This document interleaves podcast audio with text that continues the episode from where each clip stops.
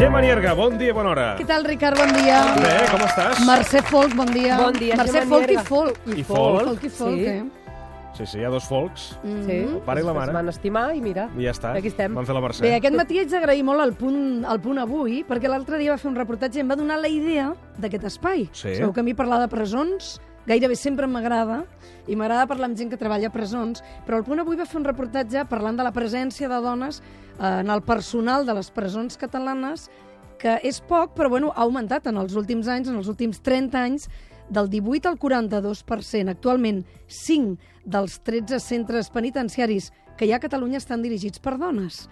I ens van preguntar, i qui són aquestes dones? Mm. Eh? Les volem conèixer, i per això aquest matí ens n'acompanyen dues. La Paula Montero, directora de la presó de Lledoners. Paula, bon dia. Bon dia. Que quan li hem demanat que ens digués una cançó que li agradi especialment, ens ha dit que aquesta sempre la portes a sobre. Per Serrat. què? Serrat és com un ídol per mi, de tota la vida. Mhm. Va, amb la meva edat, també. jo crec que aquesta cançó reflecteix molt, molt el que tothom sempre porta, que són les petites coses, i al final el que recordes quan marxes de llocs i, bueno, són mirades, abraçades, eh, petits detalls. I també jo penso que la diferència moltes vegades entre la qualitat d'una cosa o una altra està en els petits detalls. I a la presó hi ha temps pels petits detalls?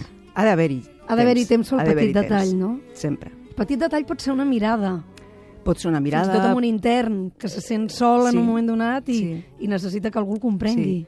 Potser adonar-te de que passa alguna cosa Sí. i que ningú s'ha fixat. Potser apropar-te, potser donar una alternativa diferent de l'estàndard, que a vegades bueno, fem, tenim molts protocols, però a vegades t'has de sortir d'aquest protocol per poder donar la resposta que la persona necessita no, en aquest moment. El pres se l'ha de tractar bé, se l'ha de Sempre. tractar bé sempre.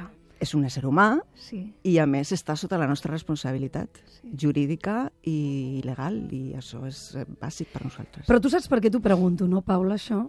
Perquè Sí. no, no sé si des de, des de la societat comprèn aquesta missió rehabilitadora de la presó. No els tanquem allà per oblidar-nos d'ells i del problema, sinó que la gent va a la presó per complir una pena, però aquesta gent forma part de nosaltres. Som tots els que podríem en un moment donat estar allà dintre, aquesta gent tornarà a sortir al carrer en llibertat i a tots ens convé que surtin rehabilitats. Sí, el que passa és que també és cert que la societat a vegades entén que la rehabilitació depèn de la gent que treballa a presons. Ja. I jo crec que no és, no és així. La rehabilitació és cosa de tots. I la rehabilitació realment, quan es realitza bé, es realitza al carrer, es realitza fora. Per això nosaltres, i a més tots els estudis ho diuen, quan realment hi ha més èxit és quan les persones que estan internes eh, tenen contacte amb l'exterior a través dels permisos, a través dels tercers graus, a través de les sortides. És dir, la rehabilitació no és tu fiques una inter allà dins, nosaltres fem alguna cosa i surt ja canviat. Sí, Això no és real. La rehabilitació és cosa de tots i tots hem d'assumir aquesta responsabilitat. Mm, Clar, parles dels permisos i mira que la, la taxa de presos que surti de permís i delinqueixi, per exemple, durant el permís, és, és menor, és, És ínfima, però crea una alarma social que fa un mal terrible, no? Perquè, I sobretot determinats tipus de delictes. Ja.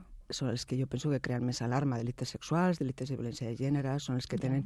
Per què? Perquè realment que hi ha una víctima directa, hi ha una víctima encara amb noms, cognoms, hi ha familiars. Nosaltres som molt respetuosos amb les víctimes, jo penso que tota la gent que treballa a presons, perdó, té molt incorporat que darrere de les nostres decisions pot haver-hi víctimes i sempre estan presents en les intervencions que nosaltres fem i en les decisions que prenem. A dir, no oblidem mai que hi ha víctimes. El que passa és que la nostra obligació és tractar amb els agressors, en aquest cas, no? Però el màxim respecte sempre per les víctimes i els seus familiars, evidentment. No? La Paula Montero, directora de la presó de Lledoners, i la Gemma Torres, directora de la presó de Brians 2. Gemma, bon dia. Bon dia. La presó que des de dilluns acull el Fèlix Millet i el Jordi Montull. Des Com? de dilluns? Des de dimarts? Des de... Des de dimecres? Des Ah, des de- d'aquesta setmana, ja. Dilluns, aquesta és, setmana, dilluns és quan van ingressar... Van ingressar a Brians Brians 1 1, sí. i després a Brians a Brians 2. Mm. Com es troben? Bé, estan a infermeria perquè l'estat de, de salut que tenen actualment ho requereix i bé, com qualsevol altre intern de la infermeria.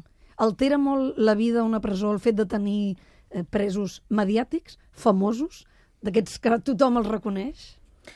Home, sí, sí que altera. Centra, bueno, per començar, centra l'atenció dels mitjans de comunicació que esteu mm. en allà i d'alguna manera doncs, eh, la gent se sent que, que l'atenció està posada sobre la seva actuació i això doncs, condiciona una mica el, el dia a dia i la manera de, de treballar.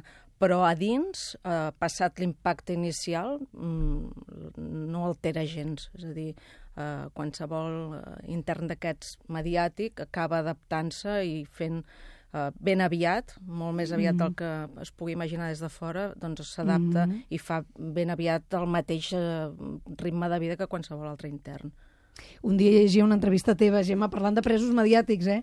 I tu parlaves que una de les primeres intervencions que havies hagut de fer com a psicòloga era amb el Vaquilla. Sí. Aquest sí que era, aquest sí. sí que era mediàtic. Uau. Molt. Tu eres molt. molt jove, no? Sí, era molt, bueno, sí, era jove. Però sí, devia tenir o sigui 20 que- i pico anys sí, sí. I, i, amb, i, i amb ell sí que va haver-hi una, eh, molta tensió perquè eh, se'l va agafar una mica com eh, exponent del que podia sí. ser la rehabilitació a Catalunya en aquell moment, sí. perquè ell va venir de- d'una presó espanyola, no recordo quina, per vinculació familiar, va venint aquí i llavors eh, sí que eh, a Catalunya des de fa 30 anys que per tenir les competències exclusives en matèria de- d'execució penal sí que s'ha desenvolupat un model de rehabilitació que bueno, ha sigut punter i ha sigut eh, referent a, a l'entorn bueno, internacional. I llavors era una mica, eh, el Baquill era una mica l'exemple de eh, el que podia ser la rehabilitació en una presó catalana.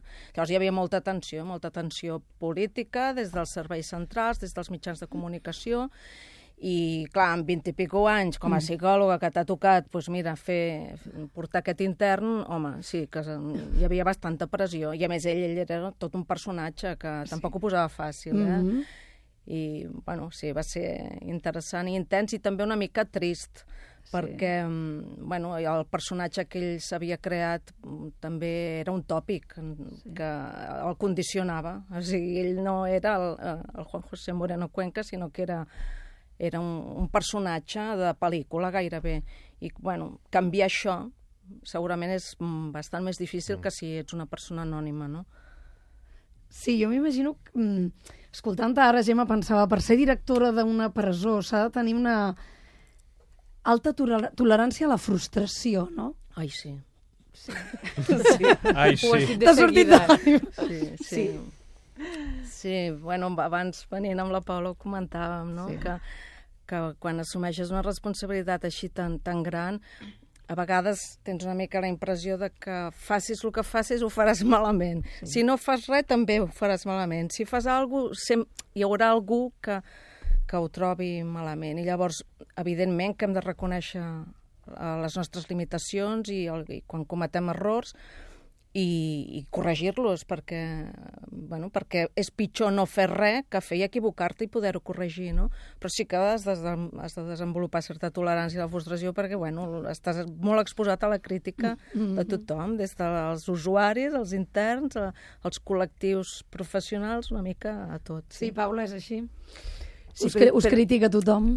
Ens critica tothom i ja, ja està bé, bueno, no passa res. En el cas de la Paula, és, clar, Lledoners és una presó molt, molt nova, no? Quants anys té? És molt nova. Va néixer el 2008, 2008. és dir, que realment és... Que són ja la famosa piscina, no? Que molta gent diu, No, hi ha Lledoners, més... piscina. No, però hi ha més presons amb piscina, eh? Ja No ho som sé, els sí, sí, únics, no sí, sí. únics. Però sí, és cert que està Però és allà veritat que és un no? Està Això ho has de sub- ho has d'argumentar sempre. és- Sempre, constantment, però to- tothom Mm. es fixa en detalls, no és el que dèiem abans, Sí. en detalls que a vegades Sí, aquesta imatge des de no? fora, no? que la gent sembla que diu, ah, en una piscina, en una presó, han de tenir activitats. Sembla que no s'entengui, no? Has de demanar Home, que que- quants, quants més anys millor... Po- Poden treballar, madura. cotitzar, no? És a dir, que. Sí, és que... És que hi ha molt estigma encara. Sí, sí. Com es lluita contra això? Perquè la gent no, no ho coneix i quan coneix, ho coneix distorsionat. Mm. La realitat que arriba fora no és la realitat de, del nostre cada dia, no? I, a més, cadascú té la seva pròpia idea de lo que ha de ser un pres i, de lo que, i del tracte que la societat ha de donar als delictes i als presos. Eh, tothom, d'alguna manera, pot sentir-se víctima sí. o pot sentir que té víctimes al seu costat, no? I, per tant, tothom té una idea de com s'ha de fer això. i no sempre aquesta idea coincideix ni amb la legislació ni, evidentment, amb les línies que nosaltres volem implementar o que la ciència també es diu que són les més eficaços, no? perquè al, al final el que nosaltres pretenem és que cada vegada hi hagi menys la incidència. No, no, no estem parlant de càstig o no càstig, sinó de realment que la nostra feina tingui un impacte real Clar. per benestar de la, de la pròpia societat. I Mm-hmm. això moltes vegades no s'entén. Paula, des del Departament de Justícia asseguren que estan nomenant cada vegada més dones, dones directores, per la seva habilitat en prevenció de conflictes. Teniu una manera diferent de dirigir les dones? Si em fixo en mi, en les meves companyes i companys, jo crec que sí. Sí. Mm, una manera diferent d'actuar també, no només de dirigir, sinó d'actuar i de resoldre. El que passa és que la prevenció del conflicte no sempre depèn de la direcció. Eh? La prevenció del conflicte moltes vegades depèn de la gent de base, no? que és la que realment està allí enfront dels interns i la que controla la situació sí. real. Però sí que jo crec que sí que tenim un estil diferent. Jo crec que Eh, en primer lloc, crec que són més treballadores, són més implicades, estic convençuda. És dir, jo crec que les dones en general ens impliquen molt en les coses que fem, creient molt en el que les coses que estem fent. Eh, no, ens, no, ens, no ens col·loquem en una posició còmoda, no? sinó que jo penso que, que ens impliquem, almenys si veig, miro les meves companyes. Eh? I, i a més, eh, jo crec que tenim un tarannà a l'hora d'actuar que a vegades desconcerta, perquè, clar, nosaltres som una, una institució que té un passat molt autoritari, mm -hmm. i a vegades quan tu arribes i comences a demanar opinió en lloc d'ordenar, o comences a dir tu què penses, i tu què faries, i tu que... I la gent et mira com, com desconcertat, no? Com, com no és, que no espera aquesta resposta per part mm -hmm. de la directora, no? I això desconcerta. Poden pensar, Gemma, que aquesta capacitat per negociar Mm. és debilitat. Sí, Es pot Sí. confondre, no? totalment. Sí. Tu també ho dius, això, Gemma, no? Sí, és un sí, entorn molt masclista, el vostre, Mm. no? Jo crec que masclista com, com la societat, Sí. eh? I, Sí, però el de presons potser més, perquè hem de tenir en compte que, el, que el, la població reclusa, no ho vull dir malament, però a Catalunya el 90 I a tot i arreu, escaig sí. per cent són homes. Sí. És masculí. Sí. Mm. Sí, és masculí perquè la delinqüència també és masculina, masculina. I, i ho és perquè les dones són menys violentes. En, en resum, eh? Hi ha molts altres factors, però bàsicament és que les dones són menys violentes, són menys autoritàries i són menys d'imposar. Eh, I llavors tens altres eines. I, I jo penso que eh, inicialment sí que, eh, com deia la Paula, desconcerta, no? Que, que no vagis imposant o, o sent autoritari, però jo crec que ben aviat també se'n veu benefici i que la resposta és bona, jo crec, en general. En general s'accepta bé, amb certa sorpresa, però després jo crec que és beneficiós per tots, perquè és intentar fer la vida una mica més fàcil i a la llarga jo crec que la gent ho agraïm. Si, si hi ha voluntat d'entendre'ns, sí. bueno, doncs, Quin és el moment més, més dur que heu viscut en tant que directores de, de presó? Home, jo crec que, que els, no, no et diria un moment, però sí que el més dur és quan algú pren mal. Quan algú pren mal sigui un funcionari, que és la, la, són pocs casos, per sort, o un intern. I el pitjor, el pitjor és quan es mor algú. I quan es mor algú, per sort, jo només he tingut que trobar-m'hi amb...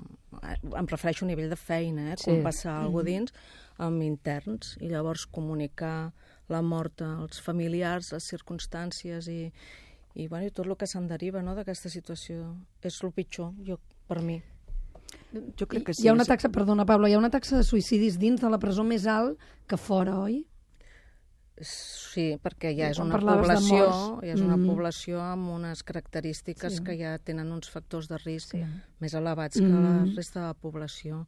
Però bueno, a vegades pot, ser, no pot, pot no ser per un suïcidi, Mhm. per, perquè, per exemple, hi hagi una sobredosi o alguna situació així, no volguda, vull dir, Mm. no un suïcidi. Sí. Paula? No, jo estava totalment d'acord amb la Gemma. El pitjor és quan algú pren mal i quan tens un amor, no? I després una cosa que a mi em va impactar molt, perquè potser també era molt jove i tenia molt poca experiència, va ser el motí que van tenir quan jo era directora de Barràs, als anys 90. Al, als tres mesos d'arribar com directora va haver-hi un motí al, a la presó de dones. I va ser molt impactant perquè va haver d'entrar la policia, nosaltres teníem nens allà dins, eh, les internes s'havien amotinat al pati, eh, les finestres donaven al joc on estaven els nens, les criatures, no podien utilitzar segons què coses perquè Les podia filles, afectar els fills i filles de les recluses, eh? d'algunes de, de les recluses. Tenien dones que estaven embarassades i que les van posar en primera fila, com si fossin, bueno, per, Un per escut. crear un escut. I va ser una situació molt complicada i molt difícil. I tot el que es va... Tot, com es va gestionar tot això amb mi com directora, recent arribada ja, molt jove, 29 anys, Clar. va ser una situació molt complicada. 29 anys i la primera directora de presó a Catalunya. Tu ets pionera en aquest sentit, no? Va Això ser la diuen, primera Marcat directora. tendència. Això diuen, però, però jo crec que tampoc era tan important en aquell moment, perquè era una presó de dones. I jo era una dona, però era una presó de dones. Hagués estat la, mm, increïble si jo hagués estat la directora de, de la model en aquell moment. Jo sí que hagués estat un... Però jo era la directora de- d'una presó de dones. Jo penso que, era, que va ser més innovador el fet de que jo no mai hagués estat eh, de l'àrea de vigilància d'interior, sinó que jo venia de rehabilitació. Jo penso que això va ser més innovador perquè era promocionar una persona que mai havies fet funcionari de vigilància. De fet, el primer mes, jo, mm, tota la meva explicació era perquè jo havia arribat allà i no havia estat mai de, direct, de, de, a la presó com, com Sí. vigilant, no? Sí, sí, sí. Era més això més impactant que el que fes donar o no. Sí, perquè la presó diferenciem entre els que formen part de l'àrea de vigilància i l'àrea de de Tractament. De rehabilitació tractament, eh, tractament, sí. que és l'àrea més psicològica, no diríeu? Sí, més educativa. Vosaltres dues més- veniu de l'àrea de psicologia Sí, sí, sí, les dues. i esteu Però allà dirigint. Mm. I, I això fa 30 anys d'això, no? Que vas començar a dirigir una presó? Eh, això va ser el 1990. Mm. Ha canviat molt? Les persones? Mm. Sí, sí. I jo també. No, ho deia, ho deia en el sentit, perquè ara insistia en la, en la faceta psicològica de, de la presó, que és molt important, però potser als anys 90 no era tan important, sinó que eren... No sé si el, el pres o l'intern estava tan ben considerat que, que s'havia de rehabilitar com, com ara. Si hi havia tanta consciència d'això. Eh, penseu que nosaltres a Catalunya vam agafar les competències al 84. Llavors, en aquell moment ja, havia, ja feien sis, sis anys i s'havia, sí que s'havia creat, s'havia creat, era, era una etapa fundacional, era una etapa en la qual tots eren molt joves i tots tenien molt clar que havíem de crear un model diferent. La gent que dirigia el tema des de la direcció general eren persones molt formades, de fet avui dia alguns eh, estan a universitats, tenien molt clar per on anaven, el primer director general tenia molt clar que la rehabilitació l'era mestra, tenia molt clar per on havia d'anar, i jo penso que ja, ja, en aquell moment, si jo vaig arribar a ser directora, entre altres coses, perquè es tenia molt clar quina era la línia. Ja. Mhm. Teniu relació amb els interns? Sí, clar. De quina manera? Pues, jo, jo passo al, al, per els mòduls, parlo amb tots, si volen parlar amb mi, doncs no, puc, gairebé no puc caminar perquè és senyora directora, senyora directora, van parant i a vegades també si m'envien instàncies jo passo a mòdul i en una aula normal doncs els rebo i parlem amb En ells. realitat, dirigir una presó, Pablo estava pensant, és com ser l'alcaldessa, eh, gairebé. És com, és com Sí. organitzar una petita ciutat, no? Sí, sí, sí. Vull dir que sí, teniu sí. aquest càrrec d'organitzadores de la ciutat, en aquest cas de la presó. Sí, perquè tens servei de tot tipus, Sí. des de, jo què sé, la bugaderia, els serveis mèdics, eh, l'escola, l'àrea de vigilància, infermeria, sí, tens una mica de tot. Però i en aquestes converses us permeteu la relació, això que preguntava la Mercè, no? quina relació teniu amb ells? Eh, de, de xerrar amb ells, de parlar, d'explicar... De, no sé, de que us expliquin com ha estat la seva vida? De crear vinc, Arriba vincle, no? a aquest... Home, jo trobo que això quan ets psicòleg, quan fas de psicòloga, jo ho havia fet, sí, que evidentment, eh, bueno, més que un vincle, generes una tasca mm, professional. Jo intento deixar la part més emocional que s'associa al vincle, eh, deixar-la una mica de banda, però sí que com a psicòloga sí que es tracta d'establir una relació de confiança. Però com a, com a directora, quan ja fas de comandament, una mica el, que, el tracte que tens amb els interns, que jo tinc el mateix que explicava la, la Paula, eh, normalment és per resoldre coses, és a dir, quan arriba a tu és perquè, bueno, mm, el que sigui, el problema que preocupa l'intern doncs no s'ha resolt en altres moments. I llavors, mm, bueno, t'arriba ja situacions en les que, bueno, mm, tens més autoritat per, bueno, encomanar les tasques a qui, a qui realment en depenen, no? Però el tracte sí que és igual de, de quan el tenia com a psicòloga. De, bueno, el, el, a nivell personal és idèntic. Diríeu que a les presons falta una mica de comprensió cap als presos? Refereixes als, dels professionals cap als presos? No sé si et refereixes, jo l'altre dia que va sortir aquesta entrevista que ens van fer al, al diari, jo vaig utilitzar la paraula compassió i tampoc em va acabar d'agradar com sortia després reflectida en en l'article. Perquè no, no ha de ser prioritari. Però nosaltres, eh, jo trobo que amb tots aquests anys ens hem tecnificat molt. Llavors, eh, hi ha un bon nivell de professionalitat, de coneixements tècnics, que es traslladen realment a la feina, però a vegades sembla que prevalen sobre mm, una mirada més eh, propera, més empàtica. Mm. I som molt exigents amb els interns. És a dir, mm, eh, els hi demanem coses que a vegades no poden donar. Llavors hem de baixar el llindar a lo exigible a cada cas. I això ens obliga a, a, a bueno, d'alguna manera, ser més flexibles, o ens hauria d'obligar a ser més flexibles, més no sé si tolerants o més... Eh... Més empatia, sí, sí, sí el que deies, tenir no? cap... I a vegades és una mica compassió, mm. però no ha, no, no ha de prevaldre sobre la resta, sí. però sí que cal a vegades una mica això, mm. trobo. Hi ha, hi ha un detall que m'he fixat, que és que és de les poques convidades que s'han posat l'enganxina que donen a l'entrada de, de Catalunya Ràdio Clar. perquè estiguin ben identificades, eh? Clar. O sigui, aquí la, la seguretat i el control... Entrar, entrar a que... una presó, jo no sé si els oients han entrat alguna vegada a una presó, però, però entrar a una presó, a una presó és, és tot un ritual i un protocol Sí, sí. Sí, terrible, perquè entres, a part de, Mira, de jo, deixar... jo, vaig, ben- jo vaig anar a Lledoners perquè em va obrir les portes la Sí. Paula una vegada Sí. i a part que és una experiència crec que la gent hauria de viure per, perquè així entens moltes coses Sí. sí, sí el, el, quedes al·lucinat amb el control i en fi, el, el, el, és que no, no, no hi passa res allà No, i, pa- no, I quan la gent opina de les presons i dels que estan empresonats, a vegades amb molta lleugeresa, no? Eh, dient, bueno, doncs, quants més anys millor, o fins i tot ara que es parla de la, de la presó eh, permanent revisable, Sí. no? eh, potser estaria bé que la gent conegués bé eh, claríssim què suposa estar mancat de llibertat i, i respirant aquella olor permanentment i aquelles portes, aquell soroll de les portes que s'obren i es tanquen a darrere teu i no pots avançar en una porta fins que no es tanqui la de darrere, no? Crec que és un- una experiència que si la gent la visqués potser no amb tanta lleugeresa no opinarien sobre... Eh, no han de tenir piscina, no?, en el cas de, Sí, sí. de Lledoners com altres. Bé, Gemma, us demanem una cançó d'entrada que ha sigut aquelles pequeñes coses de la Paula i a tu t'hem demanat la cançó de sortida i déu-n'hi-do el que ens has portat, eh? Ets, ets heavy, eh? Canya, sí, sí, canya. aquí hi ha, aquí hi ha ritme